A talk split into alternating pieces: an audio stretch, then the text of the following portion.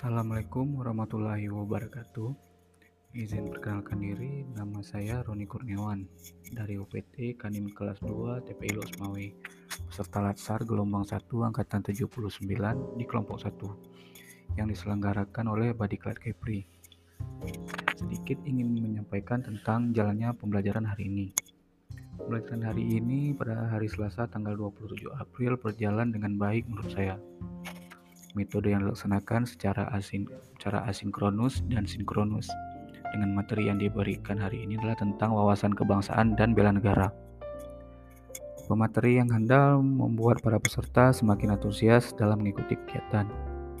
Mungkin dalam metode sinkronus, kendala dalam pembelajaran virtual adalah tidak stabilnya jaringan serta errornya perangkat yang tidak terduga. Namun secara keseluruhan semua berjalan baik dan materi juga dapat diterima dengan baik. Begitu pula dengan metode asinkronus semua berjalan baik. Tugas-tugas yang diberikan juga dapat diterima dan dikerjakan dengan baik.